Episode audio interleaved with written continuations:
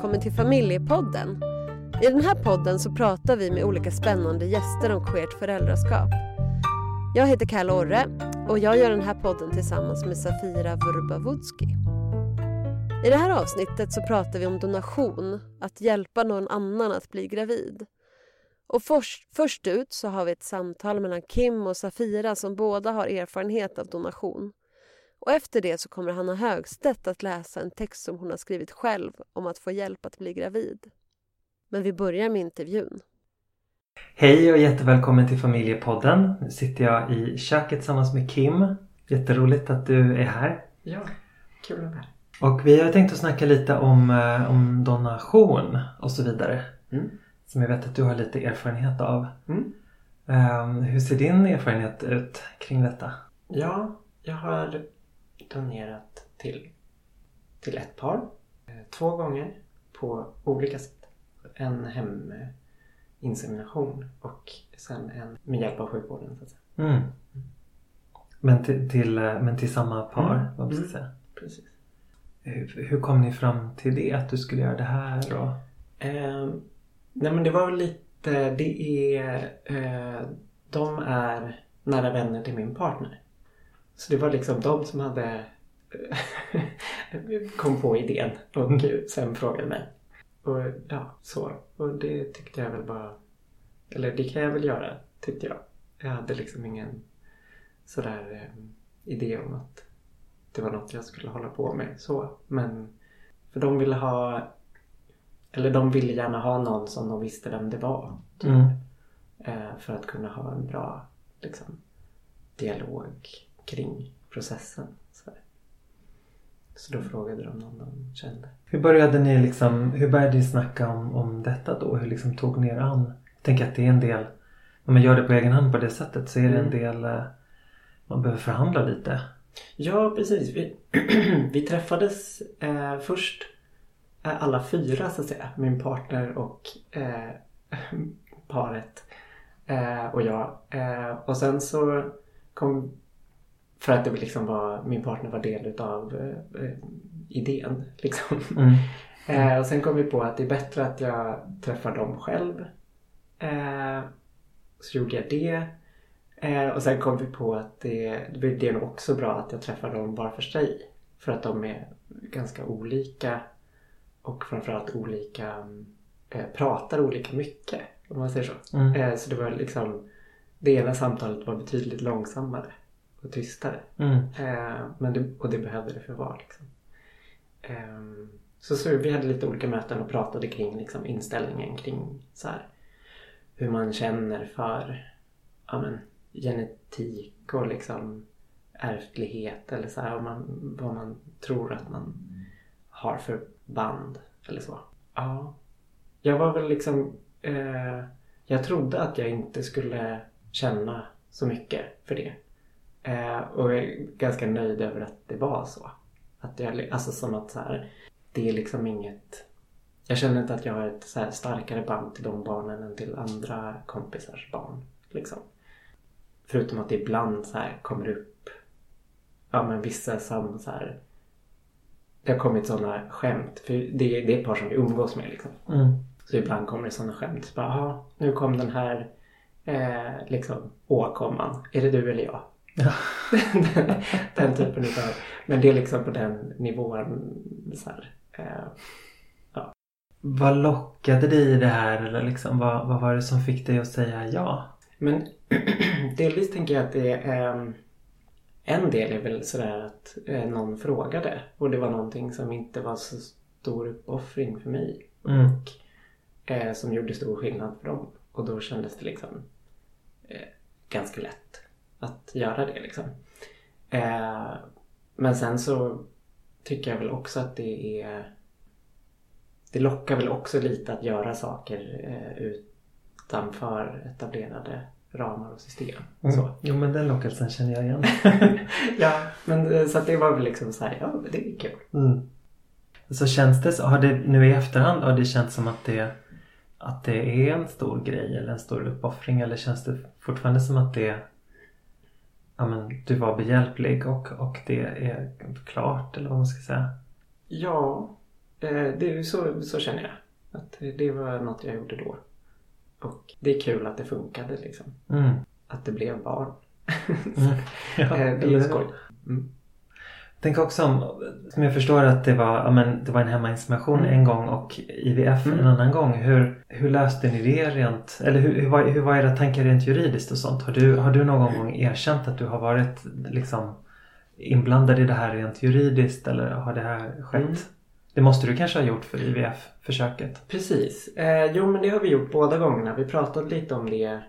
Eh, och från deras håll så var det första gången att de var lite så här eh, av olika anledningar vet inte om de skulle så här eh, komma igenom en sån utredning. Som Mm. det ju är om man som eh, lesbiskt par vill eh, få hjälp med IVF liksom.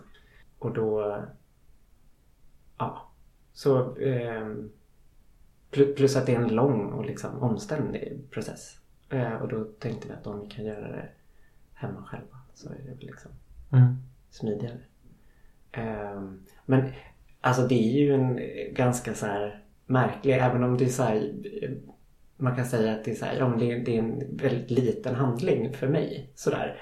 Men det är ju en, en ganska laddad handling ändå. Eller framförallt så här eh, de små praktiska delarna som i så här eh, ja, men någon kompis som jobbade på sjukhus hade tagit hem lite sterila rör och så, sådär jaha ska jag liksom fylla dem eh, och sen eh, var det så här komma och hämta dem och transportera hem i, eh, i en varm armhåla.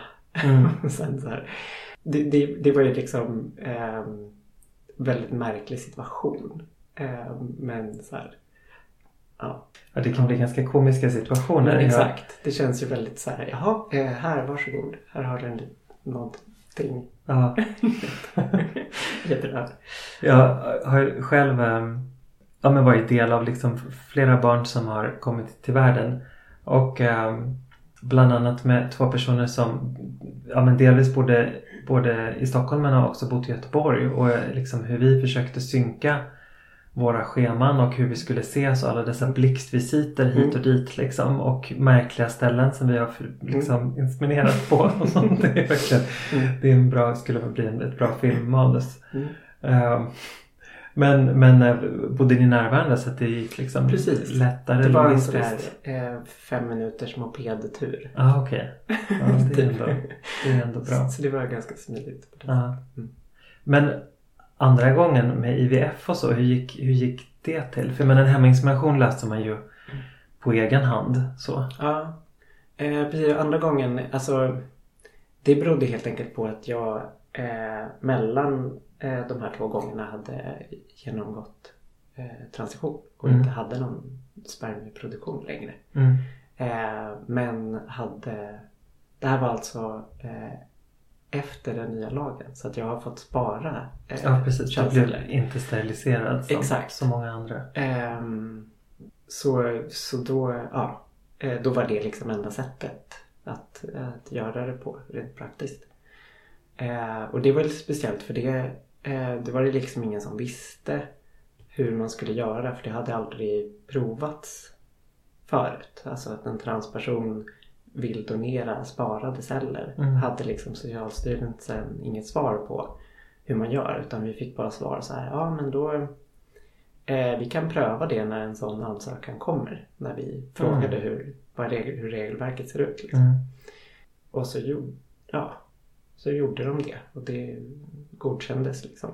Men ja, wow, vet, vet du vad som krävs för att kunna få donera då? Krävs det att du och personen som, som ehm, eh, ska försöka bli gravid, behöver, behöver ni ha någon slags liksom samboskap eller äktenskap? Nej. Eller? Nej, eh, det behövde vi inte eh, alls. Ehm, utan det var nog snarare, alltså man kan ju eh, vad jag vet efterfråga en liksom känd donator. Mm. Eh, alltså en vald eh, donator. Som, eh, men då finns det ibland krav på att den också behöver bli eh, liksom allmän donator. Eh, för Jaha. processen är Mm. så pass så här, om man ska kontrollera någons eh, celler och sådär. Att det är en lite omständig process och om de ska göra det för någon så vill de göra det eh, för flera så att säga. Mm. Eh, så att man donerar till flera. Eh, men i det här fallet så var ju mina ce- eh, celler redan sparade. Mm. Eh, och då tyckte de väl att jag ja, fick göra vad jag ville med dem ungefär. Mm. Ehm, Wow, det, det trodde faktiskt inte jag att Nej. de var så generösa. Vet du om de fortfarande är så? Det vet jag inte. Eh, och det kan ju vara så att det var så här, de bara, vi har ingen aning, Eh, okej då. Typ. Eh, för att det var nytt. Och liksom.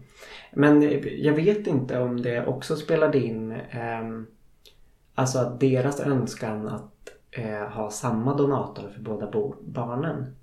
Eh, och att Ja, det, eh, de det kan redan så att säga, hade ett barn med mig som donator.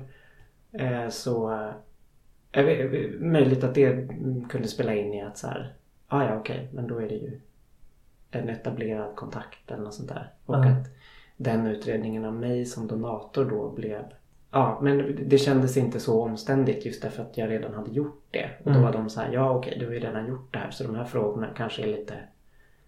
Eh, de är inte hypotetiska för dig. Liksom. Mm.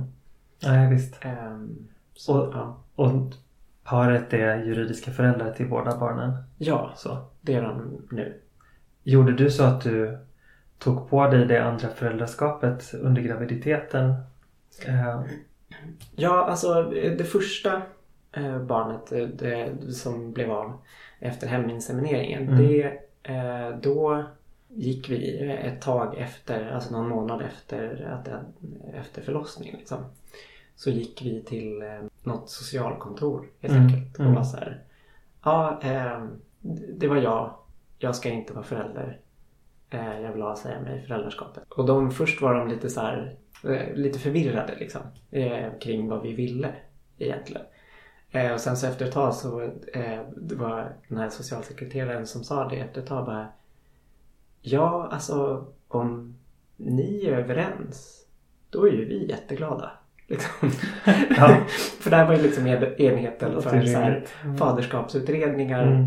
så där det ofta är så här folk som inte vill eh, erkänna att de Mm. är eh, fäder som de liksom försöker jaga rätt på typ och så här eh, olika twister och så här. Så de var bara Mm. så här, jaha ni är överens? Ja men då så. Vad bra. Då kan vi Ja. Så, Mm. så det gick eh, ganska smidigt. Sen var det ju en ganska lång process för närstående adoptionen. Mm. Men den var betydligt kortare när faderskapet var känt. Så. Mm. Ja, nej, men visst. Eh, och det var därför vi gjorde det. För att vi hade liksom hört om hur lång processen kan bli om man eh, inte liksom registrerar vem som har donerat. Ja. Jag har gjort väldigt liknande så också fast jag har eh, kring de två barnen som nu bor i Göteborg så har, eh, har vi gått till ett sånt här socialkontor eh, redan under graviditeten och jag har liksom Ah. skrivit på något papper i förväg Okej. och, så, och tjafsat jättemycket med dem för att jag måste skriva på ett faderskapspapper. Jag är Mm. fan trans. Jag har inte alls någon Alltså jag ska Nej. aldrig vara, jag aldrig, aldrig ta det ordet i min mun. Nej. Så att jag har tjafsat jättemycket om de här jävla blanketterna som jag vill fylla i. Men jag har ju fyllt i dem liksom. Ja. Ehm, för att påskynda ännu lite mer eller för Mm. att det ska finnas en till juridisk Mm. förälder när barnet Mm. föds. Om Mm. det skulle hända den liksom bärande föräldern någonting. Så. Eh, och sen har den andra, den andra eh, mamman har eh, närstående adopterat och det har tagit lite olika lång tid. Liksom. Mm. Första gången tog det längre tid, andra gången gick det lite smidigare. Mm. Så, det, För vi trodde liksom att det inte gick att göra före barnet hade kommit ut. Så att säga.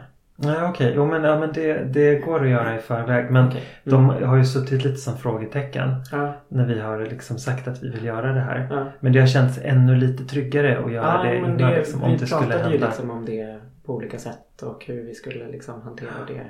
Men, eh, men för vi trodde liksom inte att det gick eh, och Mm. så därför väntade vi. Mm, mm. Men det, ja, det låter väldigt hoppfullt det här om att det skulle kunna gå och gå att använda ja, ja, men nedfrysta Mm. spermier lite friare. För jag har gjort precis samma sak. Jag har också genomgått en transition och har ingen spermieproduktion kvar men har fryst in. Mm. Eh, och liksom, jag väntade med hela min transition i liksom fan 20 års tid nästan för Mm. att jag inte ville bli steriliserad. Ja. Ehm, och jag ville få biologiska barn också.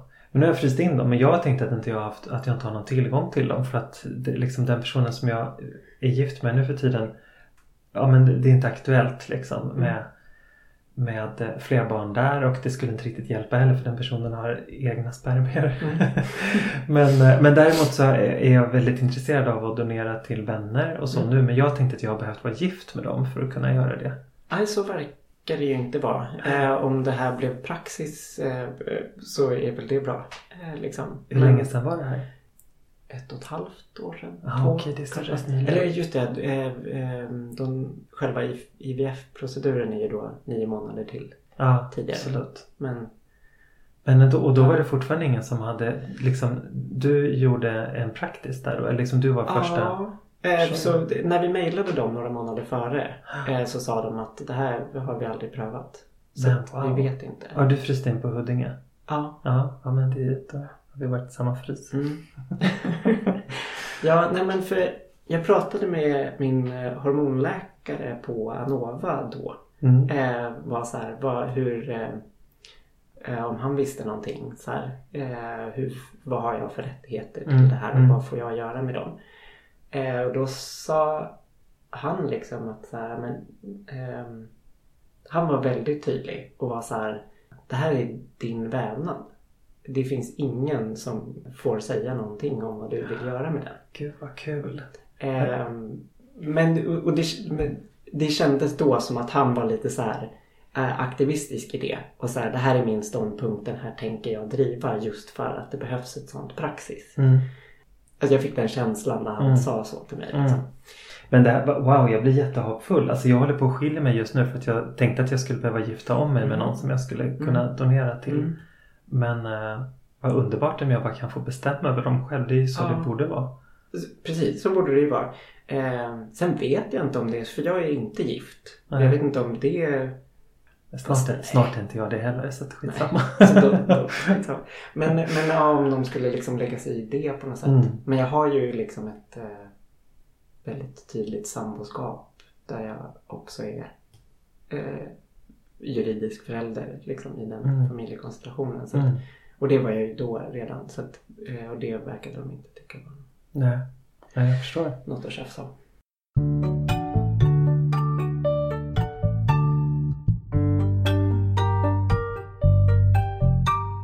Men, men du som har försökt det här på två olika sätt både med heminsemination och med IVF och så. Ja men får du frågan av personer som vill göra liknande saker ibland? Så här, vad, ska jag tänka på något särskilt eller? ehm, har du fått sådana frågor och vad svarar du då i sådana fall? jag har inte fått så mycket frågor eh, faktiskt. Sen har jag inte heller pratat så mycket om det. Så.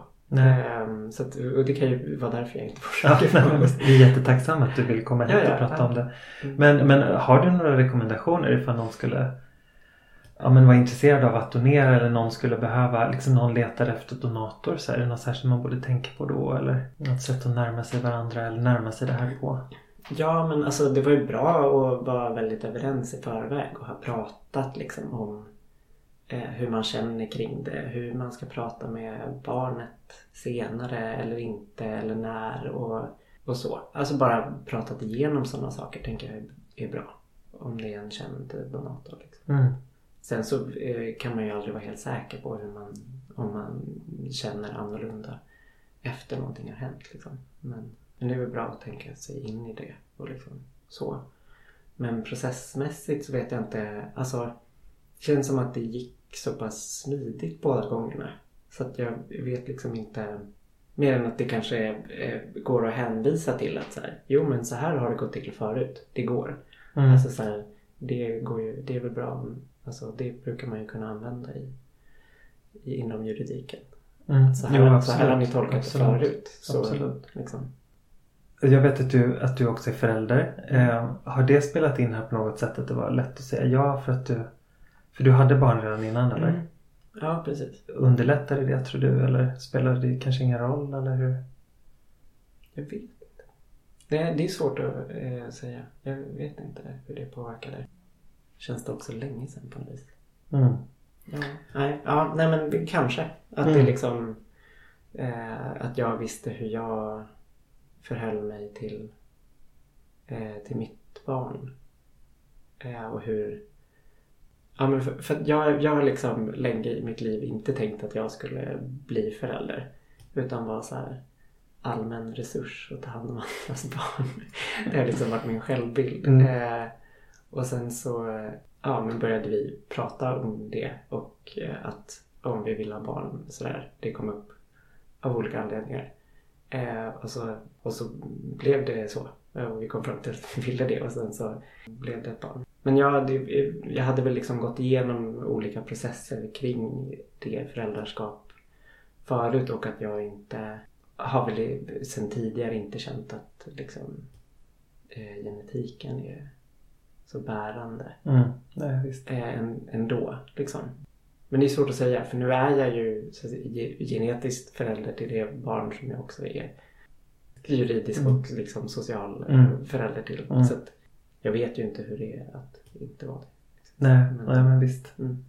För mig har det känts viktigt att få att få något biologiskt barn faktiskt. Liksom, så att det har, och som jag också kan få, få leva med. Liksom. Så att det, det känns lättare.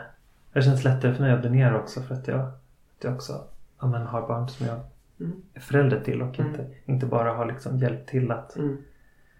hjälpt till med. Liksom. Donator känns inte helt som, det är, liksom inte, det är inte riktigt rätt ord för att jag har en, en större roll än en donator i, Mm. i, i mina barns liv. Mm. Eller barnens liv. Det är Mm. svårt, jag har svårt för det här mina barn. Men liksom Mm. barnen som finns i mitt liv. Mm. Mm. Ska säga. Men har du, liksom, donator känns, känns det som ett bra ord för dig eller hur? Ja, eller jo, men eh, vi använder det ordet då och det känns väl som att så här, eh, jag, har nog tänkt på det som att så här, det är liksom eh, användbart sätt för mig att eh, liksom hålla isär de olika delarna. Att det är så här, eh, jag har donerat spermier. Mm. Sen så har jag också en relation till de här barnen därför att vi är vänner Mm. med föräldrarna. Mm. Eh, men att det hade jag ju haft eh, även om jag inte donerade. Mm. Liksom. Så, att, så för mig, jag har nog känt att det, det ordet gör också att jag kan så här, hålla koll på de olika delarna av det Mm. på något vis. Mm. Ja, jag förstår. Är de barnen stora nog att så här, ha frågat om deras tillblivelse och sånt? Ja, det första eh, har väl lite sådär börjat ställa sådana frågor och de har väl liksom eh, pratat om det och hur det kan gå till och hur det har gått till specifikt. Men eh, då har det barnet inte varit så intresserat och varit ryckt lite på axlarna och sådär. Mm. Ja, Mm. Eh, Okej. Och sen lekt vidare med något annat. Mm. Ja visst. Det, lå- det låter ju bra med en öppenhet och liksom Mm. Bara svara på frågorna helt enkelt. Mm. Har det varit någonting från liksom de barnens liksom ska man säga större släkt eller familj eller liksom vänskapskrets eller något sånt som har velat ja, men så här, ge dig ett utrymme eller alltså för jag själv har upplevt mycket mycket tacksamhet från några av liksom släktingarna till de barnen som jag Mm. har, har hjälpt till och, och föra till världen eller vad Mm. man ska säga. För där har vi, har också använt öppna kort hela tiden liksom och de barnen vet, vet väl om liksom min roll och så. Och jag har förvånats lite grann över liksom att det finns släktingar till de barnen som verkligen så här, verkligen har kommit fram och tackat mig Mm. och så. Det känns Mm. jättefint Mm. liksom för att det är ju förstås jag menar min handling att ge av mina spermier är ju en pytte. Det är ju ingenting mot att så här, bära ett barn eller liksom uppfostra ett barn. Det är ju absolut, det är totalt inte ens jämförbart. Men däremot så är det ju en, det finns ju en tillits... Mm. Ja men det finns mycket tillit i det hela givetvis. Och, och det finns ju förstås en så här, en, en känslomässig process i att hjälpa till på någonting som är, som är en så stor sak som ett föräldraskap. Även om det är några andra som har axlat föräldraskapet så Mm. finns det ändå jag måste ändå lita på att de kommer göra, de kommer göra någonting bra Mm. av det här. Mm. Och, och att de måste lita på att inte jag kommer komma och sen bara "Ö, förresten jag ska vara förälder till det här barnet och eh, nu ska jag kräva halva vårdnad. Alltså så här, de måste ju också lita på att inte jag ska flippa. Exakt. Eh, ja, precis. Och jag tror att det var därför jag eh, ville ha en känd donator. Liksom. Mm. Framförallt i första läget där när det inte är en reglerad IVF-process.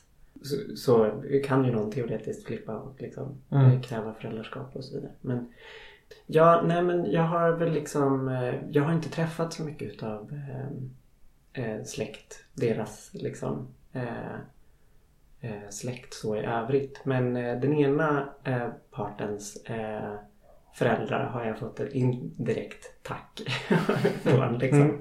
Mm. Eh, sådär, de, hade, de hade, liksom, jag fick det förmedlat att de hade uttryckt så här, vilken, eh, vilken bra stor handling ungefär. Mm. Men, eh, men och det är ju för att jag eh, har inte träffat dem så mycket. Mm.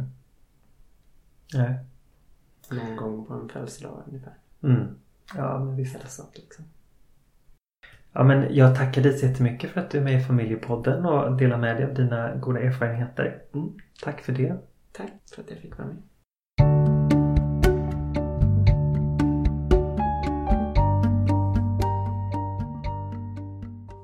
Har det blivit dags för Hanna Högstedts text. Och som sagt så är det en text som hon har skrivit själv och som man tidigare har kunnat höra i P1s Tankar för dagen. Jag hade en lärare en gång. Hon var både filmklippare och psykoterapeut. Det var en fantastisk blandning där jag satt med henne i klipprummet och grät över livet och filmerna i en trasslig härva. Hon sa en gång att du ska tacka den du känner tacksamhet till. Det är viktigt att verkligen säga tack. Men vad betyder det att tacka någon? Jag har märkt att jag ibland säger tack liksom för att bli kvitt, stå fri. Att tacket ofta innehåller ett löfte om återgäldning. Tack, jag betalar nästa gång. Eller tack, när du behöver hjälp är det bara att ringa. Jag tänker att det kanske speglar ett samhälle där du alltid ska klara dig själv. Vara oberoende intill döden. Men vad händer då när det inte går att betala tillbaka? Det finns någon som vi har att tacka, min livskamrat och jag. Jag säger inte tacka för allt, för jag tänker inte att barn är allt. Men jag tänker att barn bär det oändliga i sig. Det finns alltså någon vi har att tacka för oändligheten. Det slår mig ibland, mitt i morgonkaoset, att det är någon utanför de här rummen med sina högar av barnkläder, avklädda mitt i ett språng, sinnrikt gillrade fällor av leksaksfordon samt en oräknelig mängd stenar i fickorna. Någon som har gjort detta livet möjligt för oss. Som gett oss fröna, som lät barnen börja växa i magen. Finns det ett språk som kan omfatta det? Jag tänker på alla våra försök att bli gravida. Sena kvällar i lägenheten i Solna, tidiga morgontåg. Geografin som skulle synkas med kropparna. Hur en annan människa, som redan hade barn i sitt liv, ändå fanns där för oss. Månad efter månad. Stod där i dörren med en ananas i ena handen och möjligheten till liv i den andra. Jag minns hur vi satt hos familjerätten. Jag var höggravid och vår vän och donator hade med sig sitt lilla barn. Vår donators barn satt i mitt knä, den plats som fanns kvar bredvid gravidmagen. Vi var en flock och socialsekreteraren hade svårt att reda ut hur vi hängde ihop. Själva var vi nog mer intresserade av samhörigheten och leksakerna på bordet än byråkratin för att förklara vår familjebildning. Och så till slut, den lilla handen i min, den lilla kroppen mot mitt bröst. Två gånger har vi fått uppleva det. Båda gångerna tack vare samma människas livgivande. Två barn, en svindlande rymd. Det finns inget sätt att återgälda den gåvan. Kanske är det också det vackra med livet. Det finns inget sätt att göra upp och bli kvitt. Men så är ordet tack inte heller en transaktion. Tack betyder nåd. Nåd betyder givmildhet, vänlighet, generositet, godhet utan grund, som inte kräver gentjänster. Inom parentes, oräknelig. Så är ett tack ett ord som har sitt ursprung i oändligheten. Ett ord som bär rymden i sig, precis som vi bär rymden i oss. Vi som kommer till jorden genom en annans kropp och lever här en stund tillsammans. Det finns ingen punkt där vi står ensamma och fria. Och någonstans är det en lättnad. Tack betyder nåd. Nåden är kärlek. Vi är ett nätverk, en flock av människor som bär varandra, kolliderar in i varandra, sträcker oss mot och från varandra.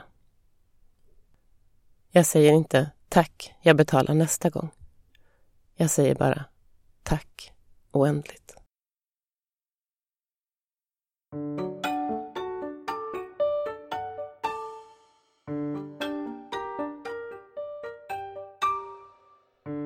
Det var allt för det här avsnittet.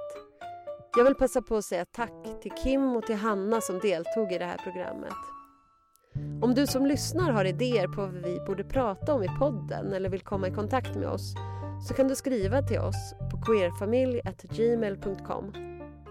Alla våra avsnitt hittar du på hemsidan familjepodden.com och där under resurser så hittar du också en hel del annat som jag och Safira har gjort om familjebildning och queera identiteter. Det är poddar och det är TED-talks och det är eh, en bok och lite olika saker. Så hoppas att du hittar någonting kul där. Hej då för den här gången!